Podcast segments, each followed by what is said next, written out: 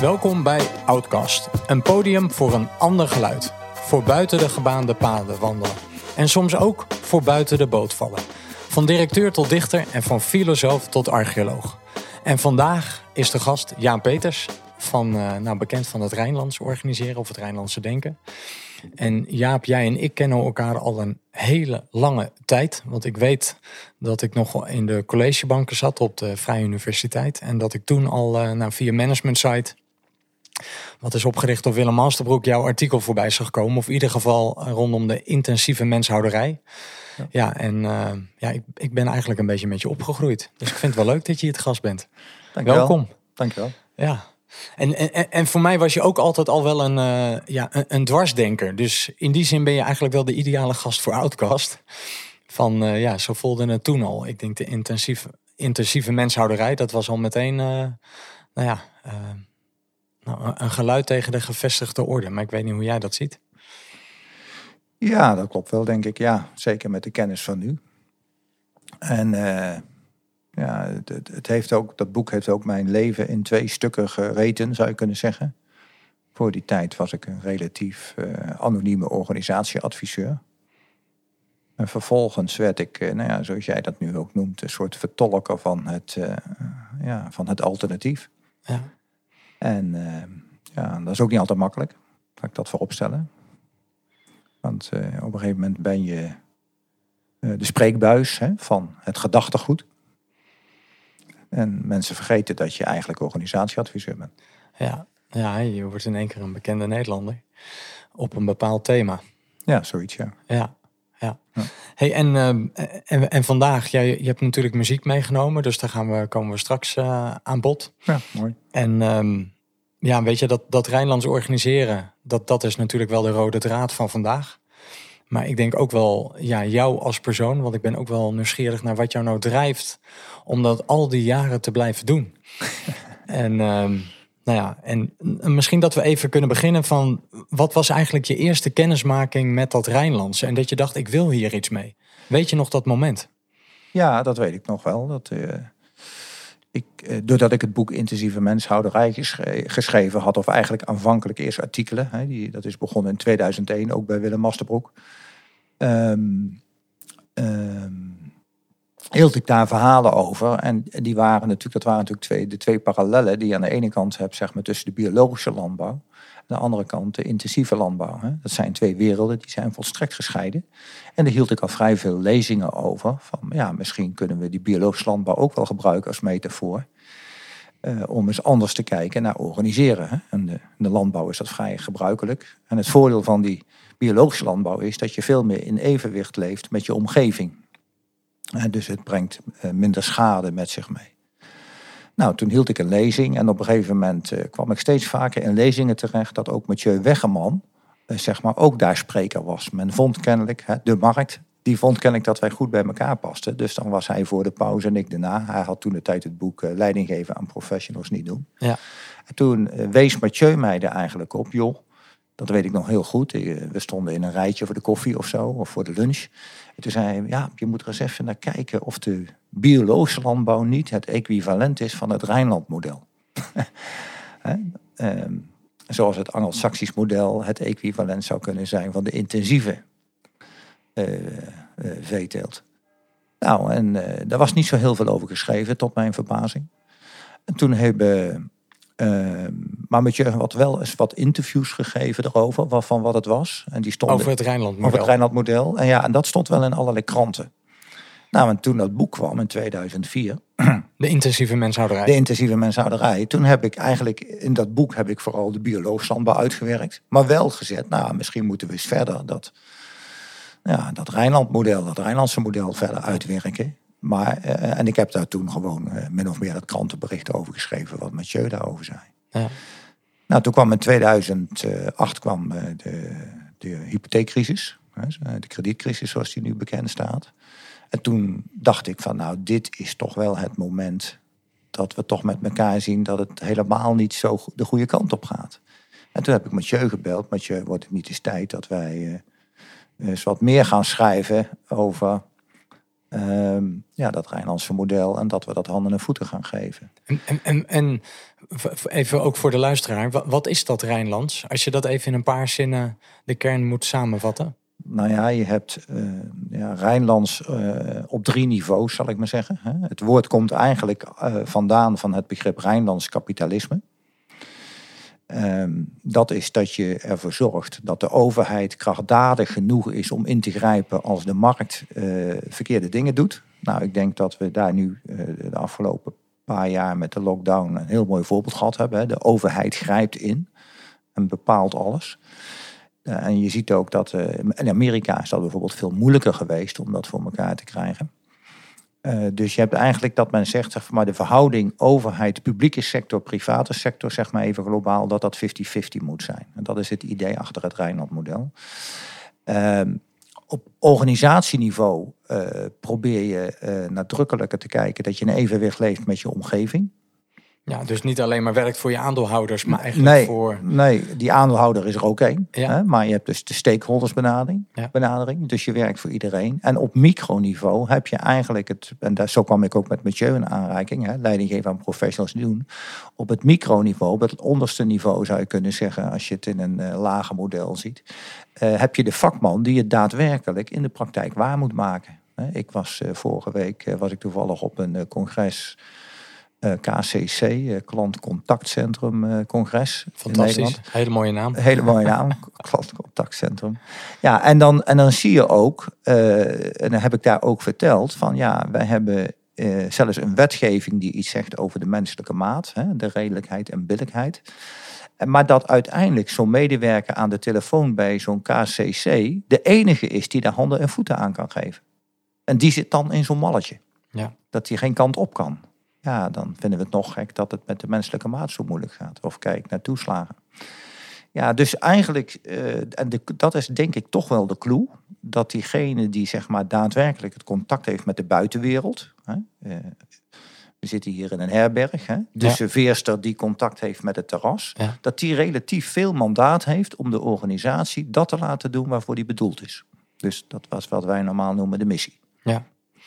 Ja. Ja. Ja, dus dat is eh, de, de vakman staat centraal.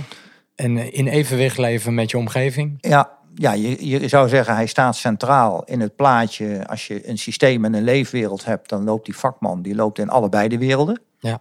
Een kapper bijvoorbeeld, die loopt in allebei de werelden. Ja, en je kunt alleen maar maatwerk leveren. Terug ook even naar hè, de menselijke maat, die ook onderdeel is van onze grondwet. Redelijkheid en billijkheid. Je kunt alleen maar maatwerk leveren als diegene die dat daadwerkelijk contact heeft met die buitenwereld ook eh, mandaat heeft om eh, in te grijpen als het niet zo is. Ja. Ja. Nou, dit, en dit even als een soort amuse op het eh, begrip het Rijnlandse. En ja, ik was nog vergeten te zeggen, maar je bent ook oprichter van Slow Management. Ja. En natuurlijk een tijdschrift waarin je veel aandacht ook brengt voor praktijkverhalen rondom dat Rijnlandse manier van organiseren. Ja. Dat klopt toch? Ja, sinds 2007, ja. Oké, nou ja, dus dat, dat, nou, dat reist ook al een tijd met me mee. Ik, ik moet wel eerlijkheid eh, halve bekennen dat ik volgens mij niet meer lid ben eh, van eh, dat mooie tijdschrift van je. Dus dan moeten we misschien nog maar wat nadoen. En eh, voor de luisteraar die denkt, wat hoor ik nou op de achtergrond? Ik heb ook nog een, eh, een prachtige hond hier in mijn herberg wonen. En die hoort Jaap en mij praten en die denkt, ik doe mee. Ehm, maar even van de hond naar het eerste nummer wellicht. Ja. Want jij hebt vandaag een aantal nummers meegenomen waarvan je zegt, nou, die, die hebben betekenis voor mij. Ja, En de eerste gaat over, eh, nou, van De Bos, Bruce Springsteen. ja, ik weet nog goed een artikel wat jij ooit schreef, Weetbaar Beter. Ja. Jij je blijkbaar niet meer helemaal kon herinneren of zo. Maar van heel lang geleden heb ik dat ooit van je toegestuurd gekregen. Ja. Ik weet ook niet of het is gepubliceerd. volgens mij in een Engels blad. Oké. Ja. Nou, en dat ging over De Bos en over, eh, over een bijzonder album wat hij toen heeft eh, gemaakt. Ja. Ehm, ja, hij heeft, eh eh, Bruce Springsteen heeft eh, wel vaker dat hij albums maakt rondom een thema. Hè, bijvoorbeeld 9-11. Ja. Maar dat had hij ook om de eh, oorlog van Irak. En eh, die cd die heet Devils and Dust. Dat was natuurlijk eh, de woestijn van Irak, waar die Amerikaanse soldaten liepen. En, ehm, en hij stelt zich daar de vraag, eh, I, I put my finger on the trigger, zegt hij. But I don't know how who to trust. En dat is eigenlijk zo, volgens mij zie je dat ook in organisaties. Die soldaten die worden een oorlog ingestuurd, met alle respect, die niet hun oorlog is. Hè? Ja. Op zo'n KCC-centrum, we hadden het er net over, zit iemand in de buitenwereld in contact. Maar eh, als je niet uitkijkt, weet je niet of hij niet veel meer van, ja, ja ik word hier betaald. Ja. Maar hij zit wel aan de trekker. Hij kan wel een klant maken of breken. Hè? Ja, Kijk nog maar even weer naar toeslagen. ja, En, en, en, en, en hij zegt, ja, wat heb je dan precies tussen de oren op dat moment dat jij de trekker moet overhalen? Niet letterlijk, hè, maar Ja. in, eh, althans in de oorlog wel. Maar eigenlijk, eh, als jij de trekker over moet halen, heb jij dan devils en dust tussen de oren? Of heb jij daar een bedoeling, hè, om het maar even eh, op die manier te zeggen, tussen de oren? En ben jij voldoende doordrongen van die bedoeling? En anders ben je misschien helemaal bang. ja. Nou, ik zet het nummer alvast Got aan. Devils the Dust. But I don't know who to trust. When I look into your eyes, there's just devils and dust. We're a long, long way from home, Bob. Home's a long, long way from us. Feel a dirty wind blowing devils and dust. I got God on my side, and I'm just trying to survive. What if what you do to survive kills the things you love? Fear's a powerful thing, can turn your heart black. You can trust. It'll take a God-filled soul filled with devils and dust.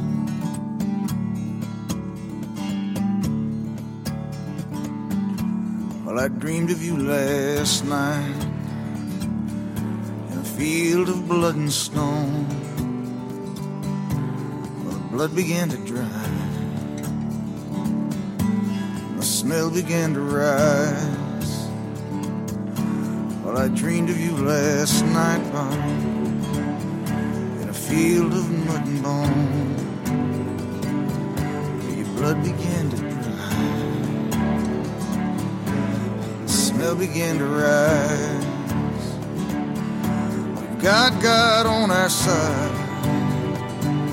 We're just trying to survive. What if what you do to survive kills the things you love? Fear's a powerful thing.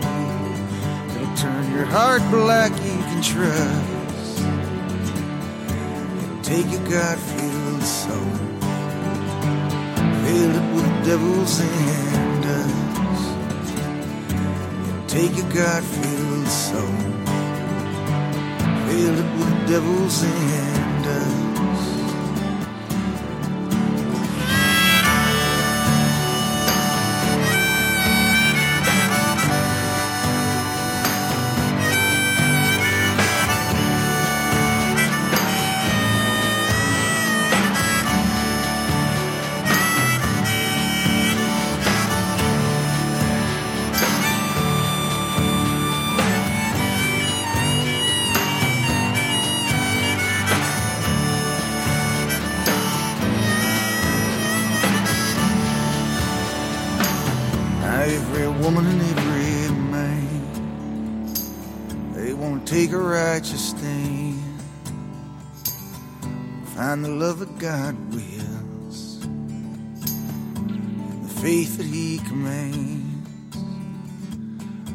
got my finger on the trigger,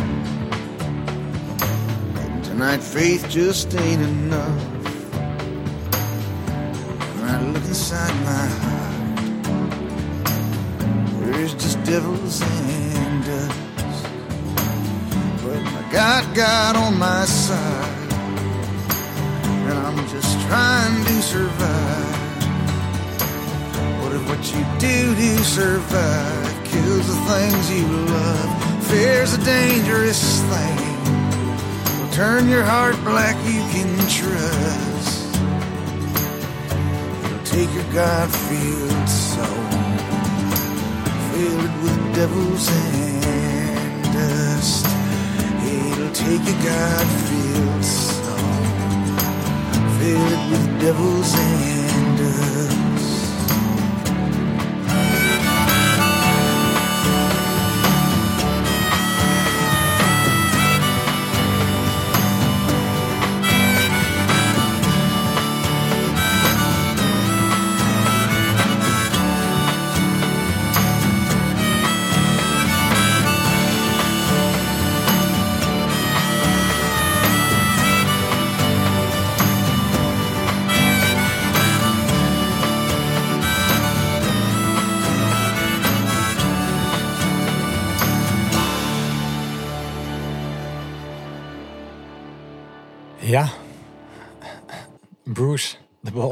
Ja, zeker. Ja, er zit altijd veel eh, bezieling in. Zeker, ja. Ja. ja. Ja. Ja, ik heb eh, eens een interview eh, van hem gehoord over dit nummer, zodoende dat het ook mijn aandacht trok. En dan denk ik, goh, als die, al die nummers van hem zoveel verhaal achter zit, dan kan ik nog een hele studie gaan doen. ja, zeker. Het is bijna een filosoof. Ja. ja. Hey, en, en, en wat is jouw bezieling om dit, ook met dat Rijnlands, ik denk af en toe, wat ik zeg, ja, voor mij ben je ook wel altijd een beetje een piraat geweest in het vak. In de zin van, ehm, ja, dat je, nou, dat je dingen aan de kaak stelt. Of dat je ook een soort kruistocht altijd aan het voeren bent om, ehm, ja, om het normale te krijgen. Of in ieder geval anders te krijgen, gekanteld te krijgen. Ja. Ja, ik weet het niet. Ik, ik heb. eh, zo voel ik het zelf niet. Laat ik dat vooropstellen. Ik, ik, ik, ik ben er eigenlijk ooit eens begonnen om erover na te denken. Omdat ik merkte na mijn studie bedrijfskunde in Delft. Ja, dat er wel heel monomaan over bedrijfskunde werd gedacht. Hè? En ja, bedrijfskunde gaat over bedrijven en mensen zijn human resources. En eh Taylor die eh, schreef in 1911 Systems First. Hè? En, en tot dusver hebben we de mensheid vooropgesteld. En toen ontdekte ik natuurlijk eh, mede door die gesprekken ook met Mathieu... dat ja, kennelijk kunnen we ook nog... eh, hè, is de mens er voor de economie of is de economie er voor de mensen? En dat we zeg maar langzamerhand tijdens sinds 1911, laat ik maar even zeggen, sinds de industriële revolutie, die overigens al in 1850 begonnen is, dat we steeds meer een soort omdraaiing van feiten gekregen hebben. Dus mensen werden het gereedschap van een organisatie. Eh, we zijn ze ook tot mijn verbazing, eh, in plaats van human beings, gingen we ze human resources noemen. Wat al aangeeft dat je de helft van je kunnen thuis moet laten. Hè. Doe nou maar je functiebeschrijving. Ja, en dat, ja, tot op zekere hoogte vond ik dat raar en onmenselijk en vreemd. En net, zo goed, net zo goed als ik de intensieve veeteelt eh, belachelijk vind. Ja. Maar, maar jij zoekt wel het podium op. Je had natuurlijk ook gewoon je daaraan kunnen storen of irriteren. En denken, Nou. nou ja, dat doen zoveel mensen. Dus wat maakte dat jij dat podium bent gaan opzoeken? Ik heb denk ik dat podium niet opgezocht. Het podium heeft mij gezocht. Door, de, door, die, woorden, door die woordkeus van intensieve menshouderij. Eh, ik, ik- kennelijk, en dat merk je ook aan, het, het is een van dat boek zijn er, eh, nou weet ik veel, 25.000 verkocht of zo, of nog meer. Ja, iedereen, dat, soms heb je dat, dat is net als eh, alle mensen deugen, dat wil graag gelezen worden. Ik kreeg ook ontzettend veel reacties van mensen op dat boek, die zeiden van, ik dacht dat ik gek was. Maar ik ben niet gek. Hè? Nee. En die zagen in mij inderdaad iemand die verwoordde wat zij intuïtief allemaal voelden. En dat is ook meestal de reactie op dat boek. Dat mensen zeggen, ja, ik weet het ook wel. Het stond eigenlijk eh, afgelopen vrijdag kwam dat rapport uit van die rechters. Hè, die, eh, die toeslagenaffaire het Ja. ook maar hebben laten gebeuren. En die zeggen ook allemaal, ik heb het rapport nog dit weekend eh, gelezen. Althans met name al die dingen. Eh, er zit een aantal bladzijden in dat die mensen zelf echt aan het woord komen. Hè. En dan zeggen ze allemaal, ja, ik voelde al dat het niet klopte. Ik voelde al dat het niet klopte. Ja, en ik heb misschien een natuurlijke afwijking om dan Dat dan bespreekbaar te willen maken. bespreekbaar te willen maken en, en, en dat niet te doen. En dat, is, dat gebeurde ook met die intensieve menshouderij. Dat mensen zeiden, ja, het verwoordt precies wat ik ook al dacht, ja. En je je zegt net het woordje afwijking. Dat triggert mij. ehm, wat, wa- waarmee je mij ook mee raakte. ehm, dat was met die film The Matrix. Die Ja. kwam in 1999 uit. ja. Ja, dat was een film die een enorme indruk op mij maakte. En jij gebruikte dat om ook te laten zien hoe autonomie wordt weggehaald. En ja, de organisatie ook een soort illusieproduct is tussen je oren. Net zoals Ja. de Matrix dat ook is. Ehm, ja, en je zegt net, ik, ja, ik heb een soort afwijking. Terwijl Neo was ook een soort default. Weet je, de hoofdpersonage. Ja. Nou ja, de Matrix was wel voor mij ook de directe aanleiding om dat boek te gaan schrijven. Kijk, ik had tot die tijd had ik wel een, een soort onbestemd gevoel van er klopt iets niet. Hè? Maar dat daar wat mee doen, ja, dat, en door de Matrix kwam eigenlijk kwam ook die wereld. Hè. Veel mensen hebben dat nooit zo in die film herkend.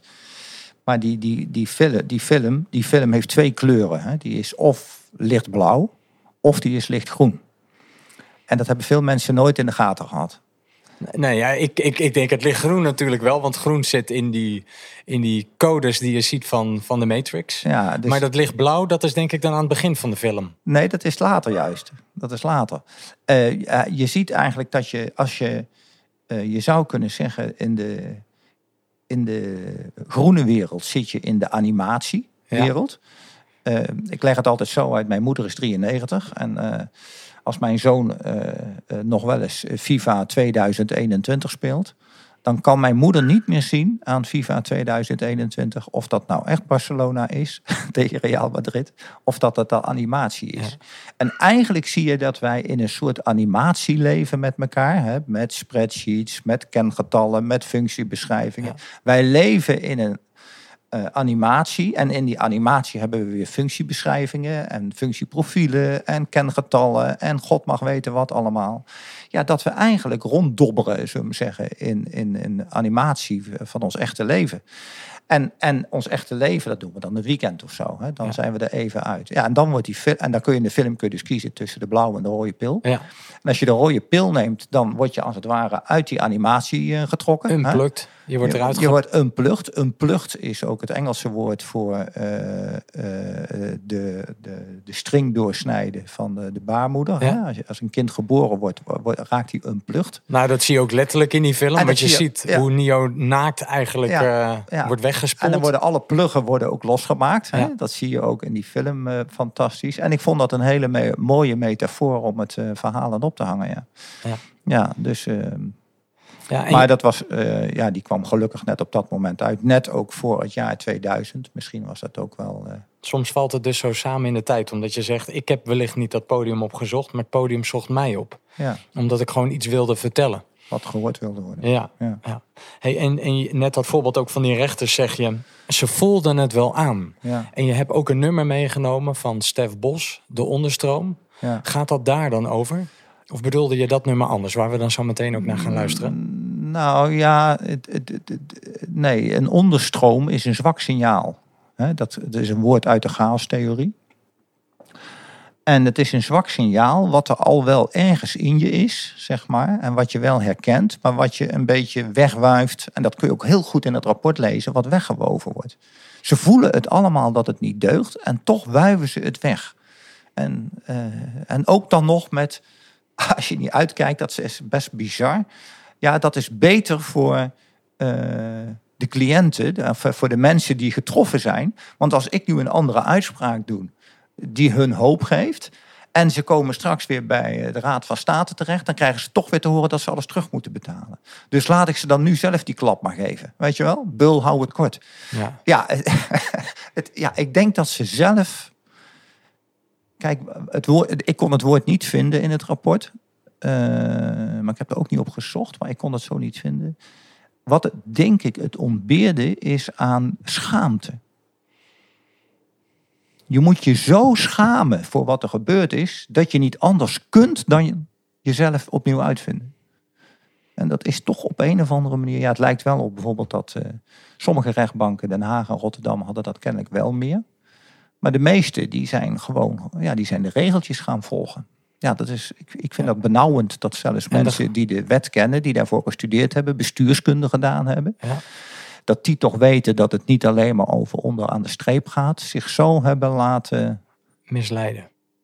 nou, in de matrix zijn getrokken. Ja. Om dat woord nog maar even te Ja. gebruiken. Ze zijn helemaal in de matrix getrokken. Ja. En, ze, en, ze waren niet in staat om eh, daar... Om zichzelf te unpluggen. Nee. En om opnieuw even uit te vinden. Nee, nee dat wa- was... De navelstring door te knippen. Nee, dat was er niet. Ja. Ja, en, en ik denk dat schaamte is een, eh, dat komt van binnenuit. Ehm, En dan kun je ook pas veranderen. Hè? Anders, ja, als het van buiten moet, dan uh, zou ik maar zeggen, ja, wie zit er dan weer aan de trigger? Hè? Ja. Je moet zelf aan de trigger zitten. Hey, en we gaan nu luisteren naar dat nummer van Stef Bos, de onderstroom. Ja. Wat wil je daarmee vertellen? Nou, hij zegt het eigenlijk al. Hij zegt de onderstroom die niemand ziet bepaalt de richting op elk gebied. Dus eigenlijk wil ik daarmee zeggen dat die onderstroom, dat is niet de onderstroom, dat is het signaal van de toekomst. En, die, en je ziet het nu, wat er gebeurd is. Mooi.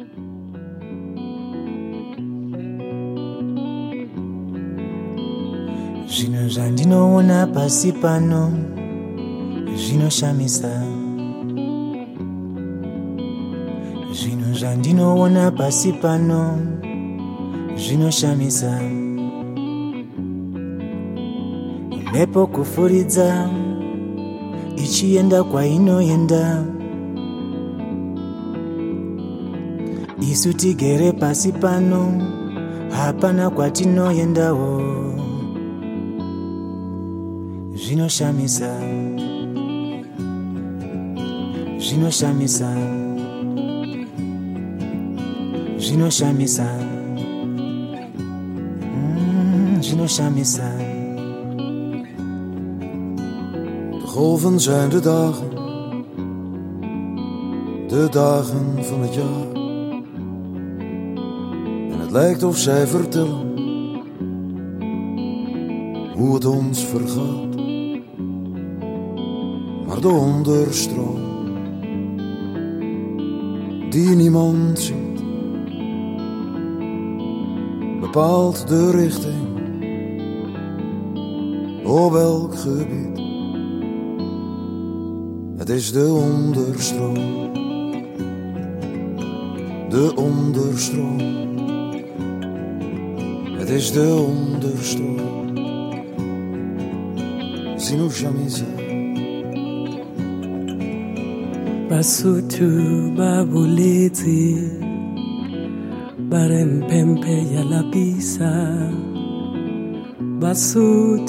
ba boletse ba re mpempe ya lapisa ba re motho kgonwa ke sae nna ke kgonwa ke thare ya mme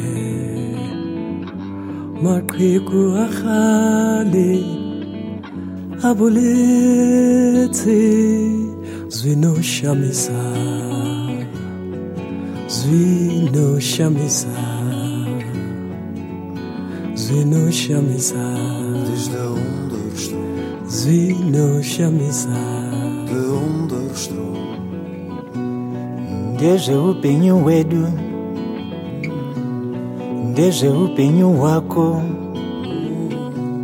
Deje upenyu wedu o Deje upenyu wedu. Rega jakadaro Rega jakadaro Rega jakadaro Rega jakadaro Rega jakadaro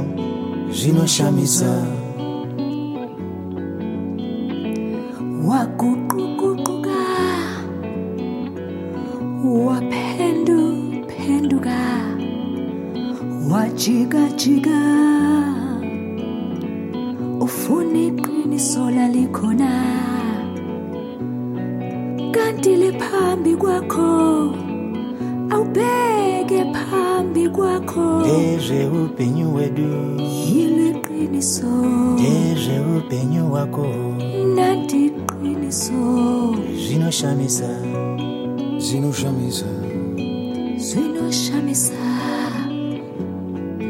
zvepasi pano zvepasi pano zvepasi pano Mm, zvepasi pano zveupenyu hwedu de golven zijn de dagen, zvinoshamisa de dagen van het jaar. Zvinoshamisa Het lijkt of zij vertellen zvinoshamisa hoe het ons vergaat. rega zvakadaro Het is de onderstroom, zvinoshamisa Sinushamisa, zvinoshamisa Ja, Sinushamisa, de onderstroom. zvinoshamisa Ja, die niemand ziet, bepaalt elk gebied. Elke, ja, de richting op elk gebied, ja. Ja, Ja, het, is, eh, het, is, eh, het zijn ook wel dingen die ik ook wat workshops wel eens doe. Dat ik aan mensen probeer te kijken van, ja, waar zit nou de onderstroom hier? Eh, want dus, zeker als je op een strategiebijeenkomst bent of zo, eh, dan is het wel handig om daar ook een beetje gevoel bij te krijgen. En om het zwakke signaal ook hoorbaar te maken. En niet alleen maar het dominante geluid. en, Ja. en hoe doe je dat dan? Ehm, ik vraag vaak aan mensen eh, of zij ook dilemma's kennen. En eh, dilemma's hebben een blijfkant. Die noem ik dan maar even de dominante. En, eh, en een beweegkant. Hè. Ze twijfelen tussen, zal ik meer van hetzelfde doen of zal ik wat anders doen? En je merkt vaak als je met een groep samenwerkt, dat eh, ze allemaal dilemma's op een andere, andere manier verwoorden, maar dat ze toch allemaal hetzelfde zeggen. En, en van nature de neiging hebben om dan toch collectief aan die blijfkant te blijven, terwijl die onderstroom er toch wel is, ja. En die dan toch benoemen en dan kijken hoe je dat aan elkaar kunt verbinden. Ja, dat is, eh, ja, dat is wel mooi. Ja. Ja. En, en, en hoe ben je ook in verbinding met je eigen onderstroom? Je eigen zwakke signaal, wat je soms in jezelf voelt? Ja, dat is een eh, goede vraag. Eh, mijn vrouw klaagt er altijd over dat ik niet mindful ben. En wat bedoelt ze daar dan mee? Dat ik nooit in het hier en nu ben. Oké, omdat je weer nieuwe doelen of activiteiten of... Eh, Ja, omdat ik altijd wel met iets bezig ben, ja. Ja. ja. Eh, afgelopen zaterdag. ik ben nog voorzitter van de voetbalclub. Dat, dat helpt mij erg om wel mindful te zijn. twee keer drie kwartier. In ieder geval tijdens de wedstrijd Ja. de eerste. Omdat ik ook foto's maak. Dat moet wel, hè. Eh, Dat kun je niet anders. Nee.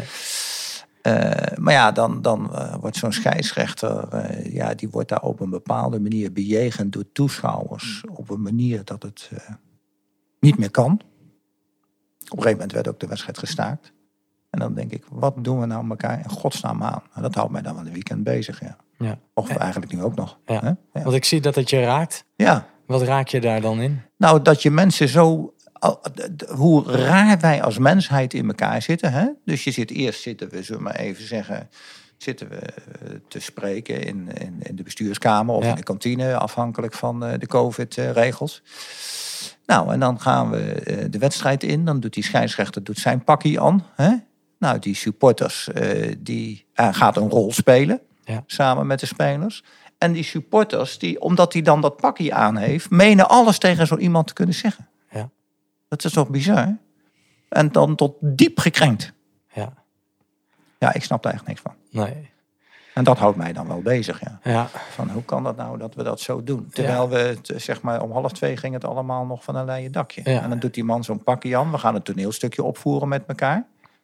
Die spelers zitten in een rol. Die scheidsrechters zitten in een rol. De grensrechters zitten in een rol. En die supporters die worden... Die, Schofterig. die worden schofterig. Ja. Hè? Die spelen geen rol. Nee, die gaan eventjes... Nou ja, je hoeft het maar bij het betaald voetbal te zien hoe het aan toe gaat. Ja, bizar. Ja, dat houdt mij dan wel bezig. Hoe, wat, wat is dat nou precies? Wat gebeurt er dan precies? Ja. En dat is ook je fascinatie eigenlijk in je werk als adviseur.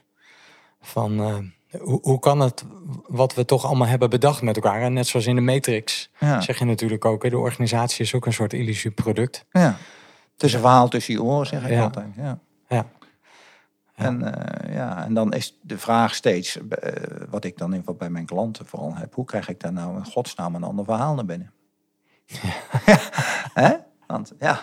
Want ik kan een organisatie niet vastpakken. Eh, nee. Dus het is, het, de meeste mensen denken dat ze in een organisatie werken, maar dat is niet zo. De organisatie werkt in hun. Ja.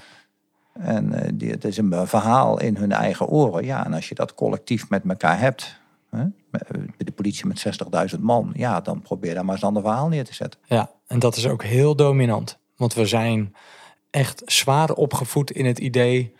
eh, jij werkt in een organisatie. Jij werkt in een bedrijf of Ja. in een stichting. Ja, Weet je, dat... ehm, en, en wat is daar de functie van?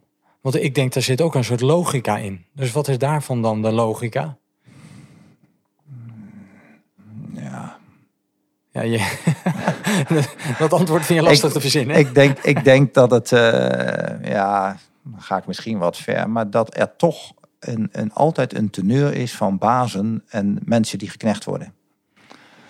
Hè, want er is toch een minimumloon nodig. Eh, we hebben nu toch weer allerlei acties. Moeten die basissalarissen niet omhoog? Er zit toch iets in altijd van eh, dat de elite erg goed voor zichzelf zorgt. Maar, eh, en de ander die heeft een probleem, maar dat is zijn probleem en niet mijn probleem. Ik denk dat dat heel diep toch in mensen zit, ja. Ja, en, en, dit is bijna een soort negatieve duiding van, ehm, van dat idee dat mensen in een organisatie werken. Terwijl in mijn werk, ik, ik heb ook een, een, nou ja, ik ben dan nu 40. Ik zit dan nu eh 15, 16 jaar in dat adviesvak. En ik heb ook lang geschopt tegen hoe het soms gaat in organisaties. Terwijl de laatste jaren probeer ik ook het wat meer te begrijpen. In de zin van dat ik, dat ik eigenlijk in hun voetstappen wil lopen of in hun voetsporen wil lopen. Om, om ook de logica te snappen. Alvorens ik eh, er wat van vind. Weet je, hoe doe jij dat? Want je, ja, weet je, het zit natuurlijk soms wel zo dominant in elkaar. Dat je van, vanaf de buitenkant denkt, hoe hebben ze het bedacht? Maar ik denk, ja, er zit waarschijnlijk ook iets lonends in. Anders zou het... Ja, natuurlijk zit er iets lonends in, maar vooral voor, voor de top, zullen we zeggen. En, en, en ja, voor de rest is dat aanzienlijk minder. En, en we, we zien het ook in de krant, hè, dat het eh, de verschil tussen rijk en arm wordt steeds groter. Ja, dan eh, nog maar even naar die toeslagen toe. De mensen die toeslagen krijgen, hebben sowieso een probleem, zullen we zeggen. En dan gaan we ook nog eens verzinnen dat als er dan nog een probleem bij komt, hè, namelijk dat ze een formulier niet goed ingevuld hebben, eh, ik laat de echte fraude nog maar even buiten beschouwing, dat ze dan alles terug moeten betalen.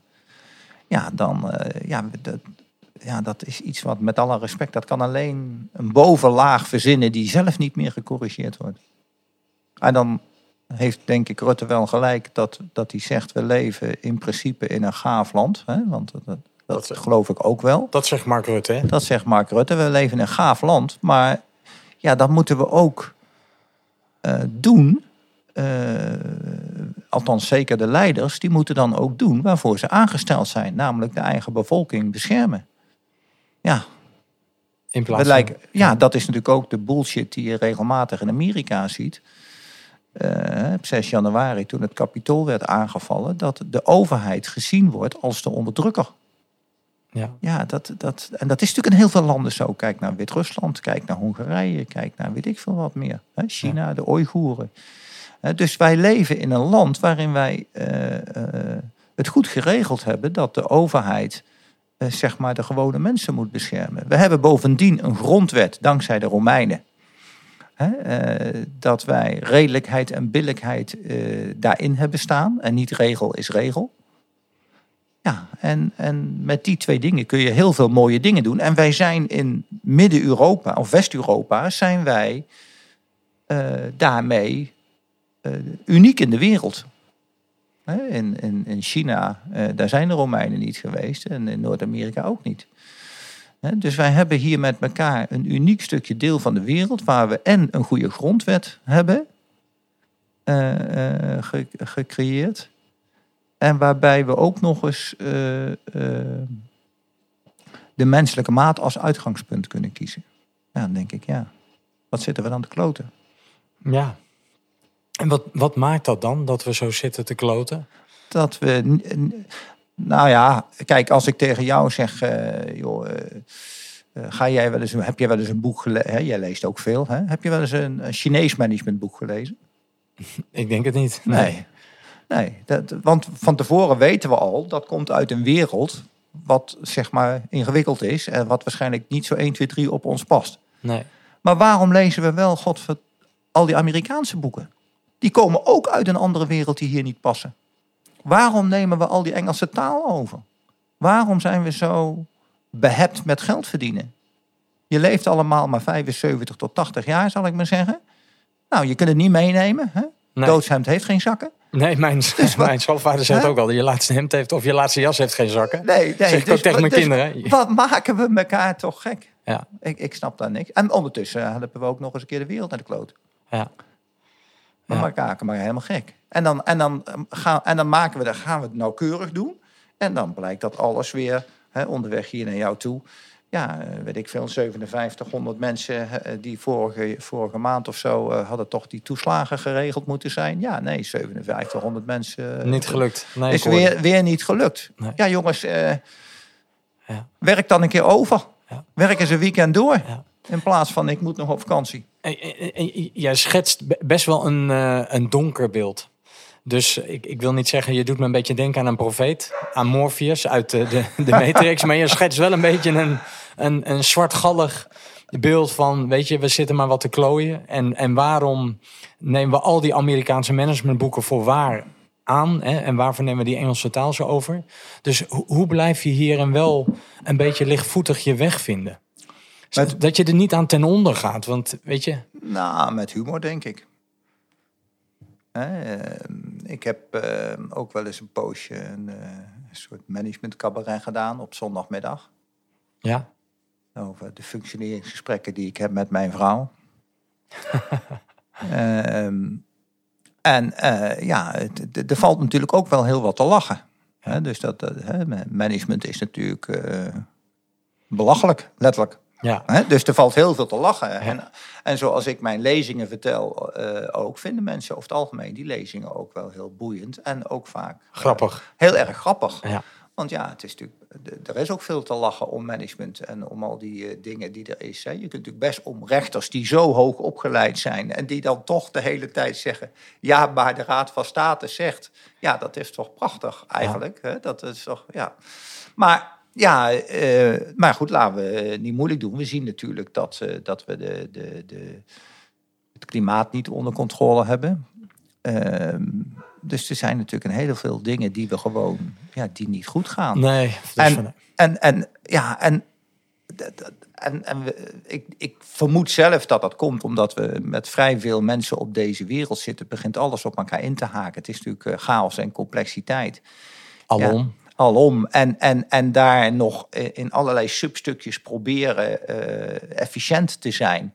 Mooi voorbeeld hadden we laatst met die ziekenhuizen ook het voorbeeld. Dat die ziekenhuizen zeggen, nou ja, als we nou op zaterdag en op zondag... of zaterdag in ieder geval ook nog eh, allerlei ehm, eh, operaties gaan doen... dan kunnen we die achterstanden weer inhalen. En dan moeten die mensen opschieten dat ze dan zaterdagavond weer naar huis kunnen. Weet je wel? Nou, dan heeft dat ziekenhuis heeft zijn eigen probleem wel opgelost. Ja, maar de maatschappij niet. Maar dan, dan, dan, als er geen thuiszorg is op zaterdagavond bij die mensen thuis, Ja. ja, dan werkt dat ook niet. Hè? Dus dan moet, willen we dat probleem oplossen, moet er eerst weer de ketenregie gebeuren. Nou, zijn we weer 15 jaar verder voordat we een plan hebben. ja. Ja. Ja. Hey, en eh, je hebt ook een nummer meegenomen, Playing for Change. En dan Stand By Me. Ja. Dus ik dacht, Playing for Change doet me ook wel een beetje denken aan die lichtvoetigheid. Van, ja, ik weet niet of je heel met dat idee dit nummer dan wel deze artiest hebt meegenomen. Maar er zit wel iets in van, nou, die verandering op een lichtvoetige manier voor elkaar krijgen. Eh, terwijl ze het nummer Stand By Me spelen. ja. Maar misschien dat jij er even... Nou ja, eh, ik, ik vind het een mooi nummer. Ik vind de band heet Playing for Change.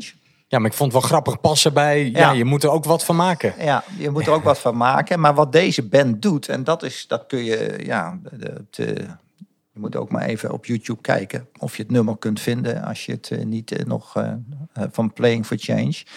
Dat wat men hier doet, is, vind ik wel heel vernuftig. Men laat één artiest wat spelen, die hoor je ook zo meteen. En Ja. het zijn allemaal straatmuzikanten.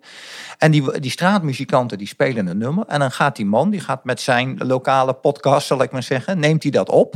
En dan gaat hij naar een andere artiest aan de andere kant van de wereld. Die zet hij een koptelefoon op, precies zoals wij hier nu zitten. En dan zegt hij, luister nou naar hem en doe jij je ding erbij. Ja, dus En- ze spelen op elkaar in. Ze, spelen, ze luisteren naar elkaar. En je ziet ook dat ze naar elkaar luisteren. En dan ze luisteren naar elkaar en dan doen ze hun eigen ding. Maar wel, zeg maar, vanuit het grote geheel. In dit geval heet dat dan toevallig Stand By Me. Maar ze doet nog met die nummers. Nou, daar gaan we nu naar luisteren. where you go in your life, at some point you're gonna need somebody to stand by you.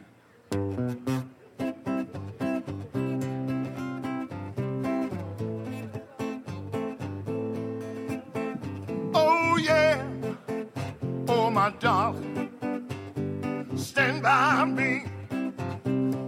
No matter who you are. Ik kijk nog even bij me.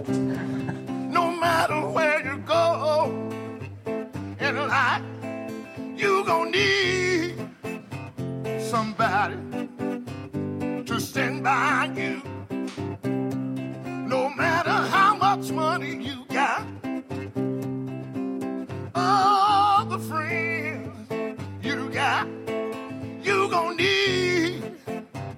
somebody to stand by you. When the night has come and the land is dark and that moon is the only light we'll see. No, I won't be afraid. No, I won't shed one tear. Just as long as your people come and stand by me. And darling, darling, stand by me.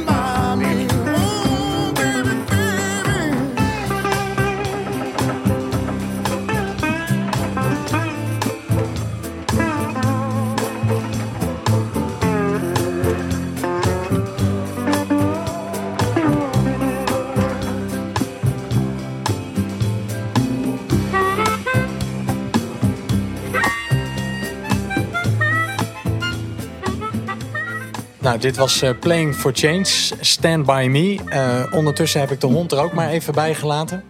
Eh, voor de gezelligheid. Ik denk dat kun jij wel waarderen als man. Ah, je hebt tenslotte zelf ook een hond. We hebben zelf ook een hond, zeker. Ja, ja, ja, ja, ja. Hey, en, en als ik aan zo'n aan, aan zo'n hond denk, is misschien een beetje een gekke link. Maar net had je het ook over, hè, van hey, wat maakt nou dat dat, dat, dat zo sterk is? Hè? Dat, dat, dat we gaan denken dat de medewerker het gereedschap is van de organisatie. En, en dat jij zei, ja, de, de top die eigenlijk te weinig gecorrigeerd wordt. Hoe, hoe, corrigeer jij jezelf? Want ik ken je ook wel als iemand die veel praat, die niet op zijn mond is geva- gevallen, die eh, dingen goed onder woorden kan brengen. Dus ja, voordat je het weet. Ja, in je boek schrijf je ook blind to our own blindness. Is van Daniel Kahneman zo'n uitspraak. ja. Dus ik denk, ja, hoe organiseer jij dat voor jezelf? Nou, ik, ehm, ik, ik ben al. eh, ik ken mijn vrouw al vanaf haar dertiende. En. eh, ehm, dus die ken ik al heel lang, zo zeggen. Dit is je eerste liefde. Eerste liefde, ja. Je hebt Nou, nooit een andere vrouw gehad. Nee, nee ze, het is, eh, ik was toen zes jaar ouder. Ja? Zij was dertien. En eh, we, hadden toen geen relatie, uiteraard. Nee.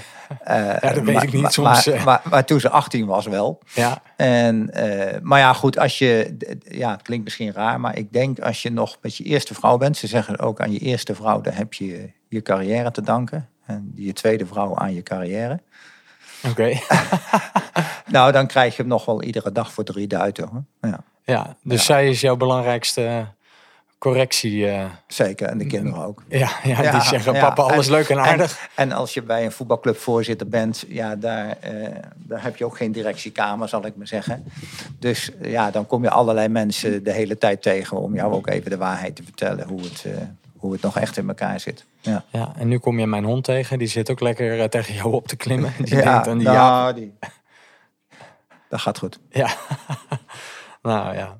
Nee, maar ik dacht, weet je, zoals Morpheus in, in de Matrix, af en toe is hij ook wel ja, helemaal blind in zijn geloof natuurlijk dat Neo de one is. En Ja. jij probeert mensen natuurlijk ook te unpluggen uit, uit bepaalde gedachten of bepaalde opvattingen. En dat ze ook weer even zichzelf opnieuw uitvinden van wat Ja. is nou werkelijk hier nou ja, nodig, helpend. Ja. Dus nou ik- ja, ik heb natuurlijk tien jaar bij Ernst Jong gewerkt. Dus ik, ik ken die andere wereld ook. Hè? En ik zeg altijd tegen mensen, ja, maar ben jij dan zo monomaan? Hè? Dan zeg ik, nou nee, dat volgens mij niet. Een vegetariër weet alles van vlees eten. Hè? Dus dat valt best wel mee. Ja. En eh, ik word ook echt niet alleen maar bij klanten gevraagd die Rijnlands willen of zo. Dat is ook niet zo. Nee, want dat doe, je doet ook wel eens andere dingen dan. Ja, zeker. Ja, want ik denk echt, jij bent gewoon echt fulltime bezig met alleen maar het Rijnlands denken. Nee, ik zit, Onder ook hier, ik zit ook hier en daar in een raad van toezicht. En eh, nou ja, en dan heb je natuurlijk eh, binnen zo'n raad van toezicht, eh, eh, nou dan ben ik vaak wel het Rijnlandse geluid. Hè, Ja. dat, dat, maar goed, je hebt daar ook van doen met allerlei mensen met een hele andere achtergrond. Ja. En ja, en wat ik dan vaak merk bijvoorbeeld, en daar zit ook wel een, een, een, een, een subtiel verschil. Ik, ik werk toch wel bijna altijd van nature, maar dat is denk ik toch iets van nature, van A naar B zal ik maar zeggen. En heel veel management werkt van B naar A, weet je wel. Ze hebben een planning, daarom heb je ook een planning- en controlecyclus. En, ze hebben, eh, eh, eh, en die planning die is heel heilig. Maar die planning, dat is de matrix, snap je? Dat is niet de werkelijkheid. En ik heb tijdens de lockdown heb ik een week of tien bij mijn moeder weer gewoond. Omdat ze was ernstig ziek. Geen covid. Ehm, en toen ben ik weer bij haar gaan wonen. Ehm, nou, en op een gegeven moment was ze zo ziek dat ze te weinig bewoog en te veel stil lag in bed of op de stoel zat. En toen moest ze weer fysiotherapie hebben. En eh, nou, toen bleek dat dat eh, niet in haar eh, contract zat, maar het was toevallig rond kerst. En op 1 januari kun je een nieuw contract afsluiten, dus dat konden we opnieuw afsluiten. Ja, en dan staat die fysiotherapie, die staat dan voor zeven beurten. Dus zeven beurten mag Ja. ze, niet meer. Ja, volgens mij staat dat bij ons ook in het standaardcontract. Dus daar heb je recht aan op. Ja, daar heb je dan recht op. Ja, en, nou, en dat is dan denk ik zo'n mooi gevalletje. Hè? Dan kan de overheid, die heeft eh, de zorgkosten geprivatiseerd naar de zorgverzekeraars. Dus de, de overheid kan dan zeggen, we hebben, de klauw, de, eh, we hebben het financieel in de klauwen. Eh, in dit geval Mensis, die kan zeggen, nou, we hebben het in de klauwen, want het is beperkt tot zeven beurten. Hè? Ja. Voor, een verzekering toch ook weer bijzonder, zal ik maar zeggen, dat dat dan weer kan. Maar goed, oké. Eh, tot zeven beurten. En de fysiotherapeut kan dan zeggen, nou, ik heb zeven beurten gedaan. En dan krijg je dus drie organisaties. Hè, de overheid op macroniveau. We hadden het net even over de drie niveaus van Rijnlands. Op, op macroniveau heb je dan, eh, kan de overheid zeggen, nou, we hebben de zorgkosten, vinkje. Op mensen kan zeggen, vinkje. En de fysiotherapeut kan zeggen, vinkje. En er staan drie vinkjes, maar hoe het met mijn moeder nou echt is, weet niemand. Nee. Dat, de- de- de- en dan hebben we het over de menselijke maat die in Nederland verdwenen is. Ja, en, dat, en dan denk ik, ja, ik vertel nu toch geen rare dingen. Nee. Maar waarom, waarom blijf ik daar een van de weinigen in die dit soort dingen opvalt? Wa- Het moet toch dat? iedereen opvallen dat dat zo raar in elkaar zit? Ja, en waarom is dat dan zo? Dat je zegt dat, eh, dat je een van de weinigen bent die dat zo aan de kaak stelt? Ik zijn, we, zijn we in slaap gesust? Of zijn we het maar... Nou, dan ga ik misschien vervelende dingen zeggen. Ik heb wel eens gezegd, het, het managementdenken is een soort virus wat je hersenen aantast. Je kunt niet meer anders denken. En dan noem je de hele tijd dat reëel. Ook dat nog, hè? Dus je, we halen de realiteit en de matrix aan één stuk door door elkaar. Nee, dat is niet reëel. Ja, Het is, het is een afbeelding van de werkelijkheid die jij voor reëel houdt. ja. Ja in de, ik, ik las ook in, ehm, in, in jouw boek dat voorbeeld van die Franse militairen... die bu- buiten die discotheek stonden... waar die terroristische aanslag op Ja. heeft eh, plaatsgevonden. Ja, nogal, ja. En dat er eh, buiten zwaar bewapende militairen stonden. En die konden ingrijpen, maar dat mocht niet van hogerhand. En ze mochten ook niet hun wapens. Ja, de Bataclan, ja. Ja, Ja, En ze heten Sentinels. Ja. Dat zijn schildwachten. En ik zat in één keer aan de Matrix te denken. Ja, want zeker. heette... Ja, die, ik dacht, die link maak je wel in het boek. Maar die zag ik daar niet staan. Nee, maar die, nee. ik denk, die heten ook Sentinels. Ja. Die waren eigenlijk de beschermers van... Ja, we moeten de... Van de Matrix. Ja, we moeten de rebellen uitschakelen. ja. Want er moeten, mogen geen mensen unplugged worden. Ja, ja, dat is niet de bedoeling. Ja, dus het is een, een, een. Ja, nou ja, dat is natuurlijk ook een hele pijnlijke ervaring. Dat bij de Bataclan dus eh, gewoon wel beveiliging was. Maar dat die niks mochten. En toen zeiden de agenten die daar ook rondliepen: geef ons dan maar jullie geweren, want wij kunnen met die klapperpistooltjes niks. Nee, dat was ook verboden. Ja. En nu zijn er dus nabestaanden die daar een rechtszaak over begonnen zijn. Van ja, eh, we hebben het net over honden. Hè? Een, eh, geleidehonden die krijgen een opleiding intelligent ongehoorzaam. Eh, dus die honden die grijpen in op het moment, zeg maar, dat, dat eh, de missie in gevaar komt. En, en nou ja, dan zijn we ook weer even terug bij Bruce Springsteen. Hè? Ja. Eh, dus op het moment, de, de hond, de geleidehond leert, het baasje komt veilig thuis, zeg maar. En dan heeft hij nog honderd regels die hij ook allemaal kent. Maar die regels die vallen weg op het moment dat het baasje niet veilig thuis komt. Nou, dat is ook waarom wij in organisaties een missie hebben. Dus je kijkt eigenlijk door de lens van de missie, kijk je naar de werkelijkheid om die te interpreteren en vervolgens daar jouw gedrag op af te stemmen. Niet volgens de procedure, nee, volgens de missie. Breng ik vrede in het geval van soldaten die in Ja. eh Oeruzkan zijn. Nou, en je hanteert, of in het boek komt ook Hans Becker terug. Volgens mij oud-bestuurder van Humanitas. Ja. Die ook een pleidooi deed voor de ja-cultuur. Die zei, ja, als wij over die klantvraag als managementteam gaan vergaderen... dat wordt een hele dure aangelegenheid. Nou ja, dus je de- kunt als professional maar beter ja zeggen. Eh, ja, nou ja je, je ziet vaak dat, nou ja, dat hoor je ook, hè, dat, dat bijvoorbeeld mensen hebben huurschuld. Eh, Het, het IPW doet dat soort eh, onderzoekjes wel eens, althans die schrijft daar wel eens over. En dan wordt er voor 240.000 euro vergaderd om te constateren dat, eh, dat die huurschuld eh, die die mensen hebben toch niet kwijtgescholden kan worden. Want die huurschuld is het gevolg van het feit dat ze niet goed met geld om kunnen gaan. En dan hebben wij er voor 240.000 euro over lopen vergaderen. Ja, ja, ik, Eh, ja, Ja, dat is- het- dan denk ik, ja, jongens, wie is hier nou gek? ja. Wie is hier nou gek? Ja, en, en ergens denk ik ook, wellicht dat jij met je, met je antwoord of met het tegengeluid zelf ook een virus dan bent. Weet je, je bent een soort antivirus. Snap Oh, dank je, dank nee, je, Nee, ja. nee, maar dat zie je in Ja, COVID ja, natuurlijk ja, ook. Ja, ja. Dat, die, de, de, de polarisatie vindt natuurlijk ook snel plaats. Ja, En ik denk als je het als je te scherp bent of je bent te bedreigend voor de bestaande status quo, ja, dan word je ook niet gehoord. Weet je, dan word je eigenlijk als een sentinel, als een schildwacht, word je ook gewoon buiten de deur gehouden. ja. Nou, dat gevoel heb ik niet hoor. Nee. Nee, nee, dat gevoel heb ik niet. Maar ik, ehm, ja, ik ben wel, eh, ja, zeg maar, eh, een soort hofnar, zullen we zeggen. Ja. Ik ben duidelijk geen kroonprins, Nee. Maar wel een soort hofnar. En een hofnar mag veel zeggen aan het Ja. hof. Ja, maar en, soms ik, en, ik neem, en ik neem het de mensen ook niet kwalijk. Maar misschien dat ik het ze niet kwalijk neem, dat is nog veel kwalijker. Want ze laten zich kennelijk leiden door het systeem Ja. Ja.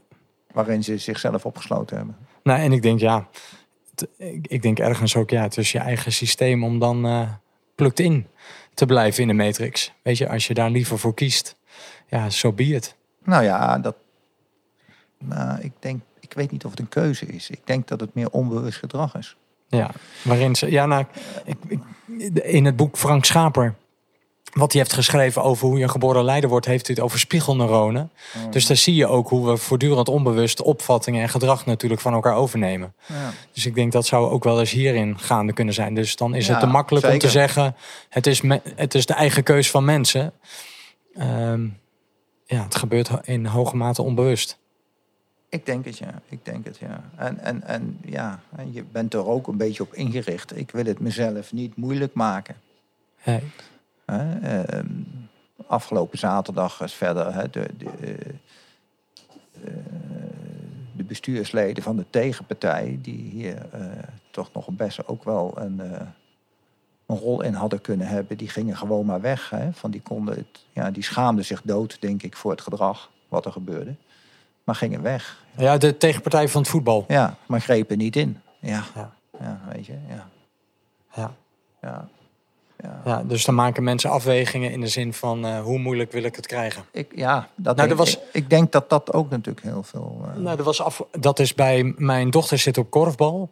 En in haar team zit een jongetje die, ehm, ehm, ja, die is anders. Dus die, ja, die, die heeft mentaal, volgens mij heeft hij, die heeft een vorm van autisme. Dus in het spel zelf begrijpt hij de regels dan niet. nee. Dus die is heel wild, druk, staat vaak te dichtbij voor die spelers. En we speelden nu tegen een team. En dat is nogal een regelvast team. Ja. Nou, en die ouders zeiden, ja, dat jongetje moet eruit. Die mag niet meedoen. En Ja. ik was er niet bij, maar ik hoorde het van mijn vrouw. En die zei, ja, je voelt je zo ongemakkelijk dan. Ja. En ze zegt, ja, ik heb het ook niet bespreekbaar gemaakt. Nee. Nee, Terwijl maar- ik eigenlijk denk, jongens, Ja. kijk nou, die kinderen moeten toch gewoon plezier met elkaar hebben. Wat, wa- wat maakt nou dat we nu een jongetje eruit halen? Die, eh, ja, dat raakt me dan. Weet je, dat ik dan denk van, eh, hoe, hoe haal je het in je hoofd? Ja, ja, op die leeftijd, weet je, de kinderen zijn 8, 9 jaar oud. Wat leer je ze op deze manier? Ja. D- ja, dat is het, niet het, het, het goede voorbeeld. Je hebt natuurlijk ook... eh, ik merk, wij, wij eh, in Zwammerdam, daar komt dus eh, de Jostuband vandaan. Nou, en we hebben ook geen voetbal. En, nou ja, maar die jongens vinden niks mooier dan, of meisjes zijn ook meisjes, om gemengd te spelen. Ja. Ja, dat vind ik trouwens ook het leuke van korfbal. Ja, hè, dus, gemengd. Dus eh, Ja. het liefste spelen ze met spelers van het eerste. Dat maakt ze dan weer niet uit of het het eerste is van Zwammerdam of van Ajax. Ja, Maar ja, dus dat vinden ze nog veel mooier. Hè? Ja. Meedoen. meedoen, ja. Ja. Hey, je hebt het nummer Natural 7, Fix You.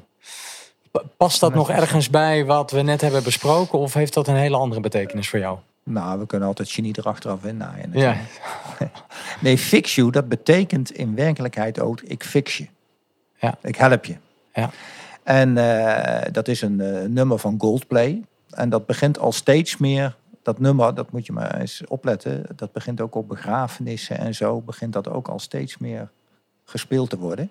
Dat is kennelijk een ja, bijna religieus nummer. want? Fix you. Nou, vanwege de tekst. Ik help je. Ja, En, eh, en Natural Seven, dat is een, eh, een band, eh, dat zijn zeven jongens die alles a cappella doen, in- inclusief de instrumenten. En Goldplay zegt, hun versie is mooier dan die van ons. ja maar ik, ik herkende het nummer van Coldplay. Ja. Dus ik ken deze eigenlijk helemaal niet. Nee, maar je moet er ook maar eens opzoeken op YouTube. Dan zie, je ze ook, en dan zie je er ook filmbeelden bij, wat Fix You betekent. Maar, maar je moet maar eens luisteren. Het is onvoorstelbaar hoe deze jongens... Alles wat je hoort zijn stemmen. Hè? Dus jij denkt, ik hoor een basgitaar, ik hoor een gitaar. Alles- Alle- alles zijn stemmen van zeven jongens. En ik heb ze een keer live gezien. En dat helpt, hè? dan eh, ben je nog meer onder de indruk. Ja. En, en waarom wilde je dit nummer dan luisteren, erin hebben? Eh, nou, omdat we elkaar ook kunnen helpen. Ja. Ik, we kunnen elkaar helpen. Ik kan ook wegkijken. Hè, het voorbeeld wat, je, wat we net al zeiden hè, over het autistisch kind. We kunnen ook wegkijken. Maar we kunnen ook zeggen, nee, ik help je. Ja.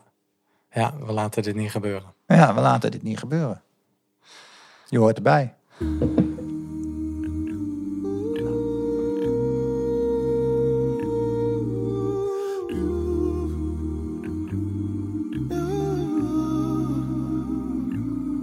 When you try your best, but you don't succeed.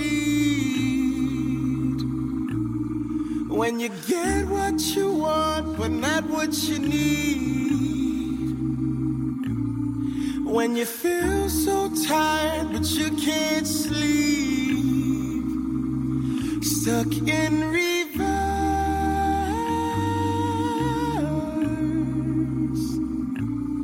When the tears come streaming down your face. Cause you lose something you can't replace. When you love someone,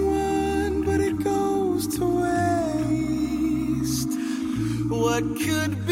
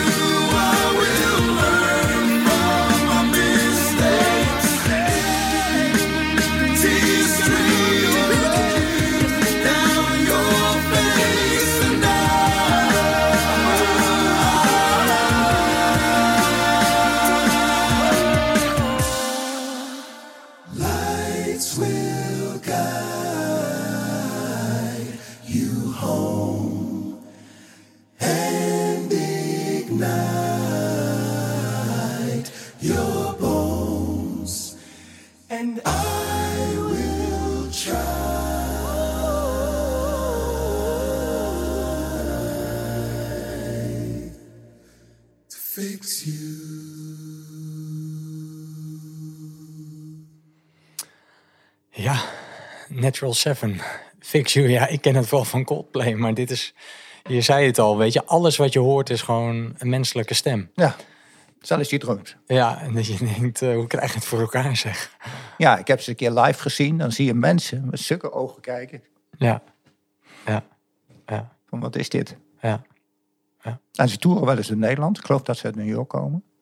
Dus eh, misschien komen ze wel weer terug naar de COVID. Ja. Ja. Nou, wie zal het zeggen? Hey, en we, we zijn nu een ruim uur onderweg. En eh, verschillende nummers gehoord. Wat, wat, wat blijft er nu bij jou hangen, zo van dit gesprek? Of wat je puzzelt? Nou, wa- wat, wat, wat aan mij, de manier waarop je de vragen stelt. Ja, de, eh, kijk, ik vind wat ik doe helemaal niet zo afwijkend. Ik probeer, ja, zullen we zeggen, dichtbij, als je de, het in de matrix-termen vertaalt, dicht bij de rode pil te blijven op een of andere manier. Maar dat is, denk ik, gewoon natuurlijk gedrag. Ja. Ja. Maar hij- zegt toch ook, Morpheus, ehm, down the rabbit hole. Weet je, dus die rabbit hole is natuurlijk wel ergens ook beangstigend. Of dat je door die spiegel heen moet gaan. Ja. Weet je, dat vind ik qua symboliek, vind ik dat ook altijd van die prachtige filmbeelden. Ja. Dwars door die spiegel heen. Eigenlijk dwars door je eigen zelfbeeld heen. ja. Dus dat is natuurlijk ook wel een confronterend iets. Ja. Nou ja, de, de, de film eindigt, eh, dat vind ik wel heel mooi. Ja, 30 keer zien of zo. ik denk dat ik ook in de buurt kom van die 30 keer. Eh, die film eindigt met eh, ook He starts to believe. En Ja. dan komt nog deel 2 en 3. Ja, Deel 1 is de matrix. Dat is eh, wat moet je weten. Hè? Ja. Nou, dat je een afbeelding van de werkelijkheid voor de werkelijkheid houdt. Hè? Dat is deel 1. beetje Plato-achtige filosofie ook Ja, in die zeker. Nou, dan kom je in deel 2, de matrix reloaded. Ja, En dan gaat de matrix gaat al zijn best doen om jou te vertellen ja, dat, eh, dat je het mis hebt. ja, Hè? En die komt dan ook, zoals dat dan heet, met een update. Hè? Dus, de, hè? dus de- om jou er toch weer onder te houden. ja, Maar zolang jij eh, in de gaten hebt dat het maar een verhaal is, hè? in dit geval ook de organisatie, eh, die dan daar de Matrix heet, ehm, het is maar een verhaal. Dus jongen, het, het- zit bij jou tussen de oren. Ja. En dan deel drie. eh, Revolutions. Revolutions, ja, en dat, daarom houden veel mensen ook niet van deel 3. ja, dat gaat toch merkwaardig genoeg met eh, massief veel geweld. Gaat dat, eh, naar de kern. gaat dat naar de kern? En waarom dat geweld nou nodig is, terwijl je gewoon de stekker uit het systeem kunt trekken. Hè? Want dat gebeurt aan het eind. Ja, Dan wordt gewoon de stekker eruit getrokken. Want weg bitcoin, zou ik maar zeggen. ja, Dus je, je, de, de- de- ja, we zijn enorm goed om illusieproducties voor de werkelijkheid te houden. ja. Ja. En binnenkort komt zelfs deel 4. Dat Uit. heb ik gehoord, ja. dat Resurrection.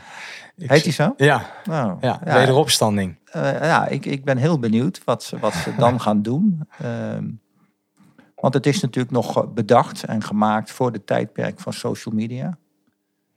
Eh, of dat ook op een bepaalde manier een rol krijgt. Ja. Ik ben zelf nooit zo fan van... eh, ja, weet je, de- dan gaan we er toch weer een vervolg aan geven. Ja, ja, dat was met het eerst niet. Hè. De, de eerste drie delen waren gewoon één film. Maar dat durfde Warner Bros. niet aan.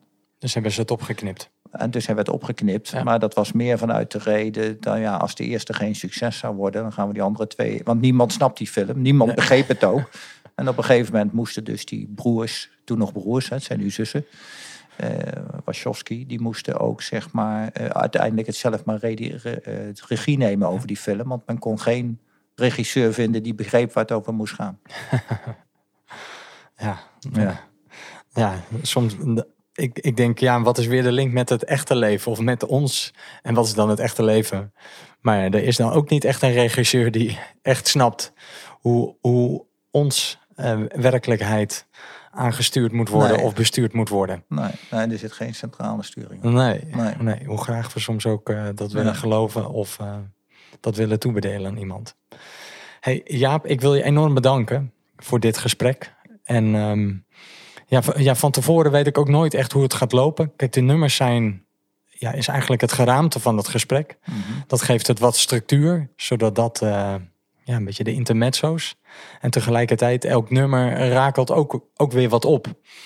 En ehm, ja, en ik, ik vond het leuk om eens een keer zo'n ander gesprek met je te hebben. Ik denk, ja, dat Rijnlandse denken, dat ken ik ook al. Eh, sinds ik jou ken, volg ik dat. Dus ik dacht, ja, het is leuk om, eh, ja, om samen een beetje gaan te puzzelen. Ja. Nou, wi- wil je nog wat laatste slotwoorden zeggen? Of zeg je, het is goed zo? Voordat we de stekker eruit trekken. Voordat we de stekker eruit trekken. Nou, ik, ik heb wel eens bij mensen gemerkt, en, eh, als ik de interventie doe bij een groepje, van probeer nou eens naar de organisatie te kijken als jouw gereedschap. In plaats van jij bent het gereedschap. Hè. Kun jij je voorstellen dat Max Verstappen bij zijn contractverlenging verlenging even naar de afdeling HRM moet? Dus probeer, eh, Max vind ik een mooi voorbeeld, want die ziet Red Bull als zijn gereedschap. En, en, en zijn auto heeft geen missie, Max heeft een missie. Het hulpmiddel, de auto is het hulpmiddel. Red Bull is een hulpmiddel. En ik denk als mensen kijken naar een organisatie als dat is mijn gereedschap om van het leven wat te maken. En dan bedoel ik ook draag wat bij. Ja, dan denk ik dat het al een stuk helpt wat je moet zeggen in allerlei gevallen. Hey, en ik, ik, ik kan het niet laten. Ik, ik wilde afronden, maar ik denk dan toch... Oké. Ehm, kan het niet, ook niet een beetje allebei waar zijn? En ik zal even uit, uit eh, leggen waarom. Want het boek ook van Mathieu Weggeman, Leiding geven aan professionals niet doen. Ja, dat, dat, dat was ook een soort tegengeluid. En ergens, ja, jij bent volgens mij ook wel bekend met het eh, werk van Joost Kampen. Rondom verwaarlozing in organisaties. Ja. Ergens denk ik, ja, is leiding geven ook wel nodig. En je bent ook wel weer onderdeel van een groter geheel. Ik zeg toch niet dat leidinggeven niet nodig is. Maar het, bijvoorbeeld het begrip verwaarloosde organisaties, net als lerende organisatie, gaat met alle respect alweer uit dat die organisatie bestaat en dat die mensen daar onderdeel van zijn. Die organisatie is niet verwaarloosd. Die mensen zijn verwaarloosd. Nee, dat klopt. Dat daar, klopt. moet je, Dus- daar moet je, dat zal Joost ook bedoelen, dus daar gaat Nee, het niet eens. over. Nee. Maar de, je, hij, eh, je- helpt al met die metafoor van de verwaarloosde organisatie, hou je ook weer in stand Dat, dat is helemaal waar. En, de- dat die organisatie het probleem is. Nee, het is het gedrag van die mensen wat het probleem is. Ja. Hè, Die daar met elkaar van die organisatie iets bakken. Wat, eh, nou, en overigens, als, je- als je het nog vertaalt naar de brandweer, is het helemaal ridicuul, zou ik maar zeggen. Want als er één organisatie is waarbij de brandweerauto's het gereedschap zijn van de mensen die het echte werk doen. Net als op een IC in een ziekenhuis. Ja, dan, dan is het wel natuurlijk de brandweer. ja. Ja. Ja, Nou ja, dit, dit nodigt uit om nog eens een keer verder over te praten, ja. Want ik, ik, ik, nou, ik vind altijd een boeiend spanningsveld tussen... Ja, je wilt die vakman zoveel mogelijk centraal stellen... of in ieder geval autonomie geven om zelfstandig de goede beslissingen te kunnen nemen. Ja. En tegelijkertijd heb je ook altijd wel een vorm van hiërarchie. Zonder dat dat Ja, ja. meteen een lelijk woord is. Want ik merk in onze samenleving dat hiërarchie ook bijna altijd geassocieerd wordt met macht. Nee, En- maar, maar als ik nog even terug mag. Ik ben dus voorzitter van de voetbalclub. Maar ik bemoei me niet met de opstelling van het eerste. Nee, en, En, ook, en ook niet met de functiebeschrijving van de linksback. nee, en tegelijkertijd zit er wel ook ordening in. Maar er zit wel zeker ordening in. Ja. Ja, zeker. Maar wel met maximale inzet van de kwaliteiten van een ieder. Ja. En, en dat, en dat ja, in, in, in een van die Rijnlandboekjes heb ik dat genoemd holding space. Hè? Ja. Eh, Wouter heeft het over anders vasthouden. Ik zou zeggen anders, anders loslaten. Ja. Dus je kunt ook holding space, kun je natuurlijk ook zo kun je het ook eh, vasthouden. Ja. En eh, ja, dus maar goed, ik ben niet tegen hiërarchie of zo. Alleen eh, ja, we zijn Ja, af en toe een beetje doorgeslagen doe, in het een. doe, je taken waarvoor je bent. Ja. ja. Nou, dit, eh, we- zouden hier natuurlijk zo nog een uur over kunnen doorpraten. Dus dat gaan we wellicht nog een andere keer doen. Je hebt Bruce Springsteen meegenomen, Devils and Dust. Stef Bos, de onderstroom over het intuïtieve en het zwakke signaal. Waar we af en toe oog voor moeten hebben. En soms daar ook stem aan moeten geven. Playing for Change. Ook een soort meer stemmigheid met het nummer Stand By Me. Wat op verschillende plekken is opgenomen. En tenslotte Natural Seven, Fix You. Elkaar ook willen helpen. Om ook niet eh, ten onder te gaan soms aan eh, de Matrix. Ja. En voor nu gaan we, gaan we samen de stekker eruit trekken, Jaap. Oké, heel goed. Dankjewel en eh, ik hoop tot ziens. En beste luisteraar, dankjewel voor het luisteren.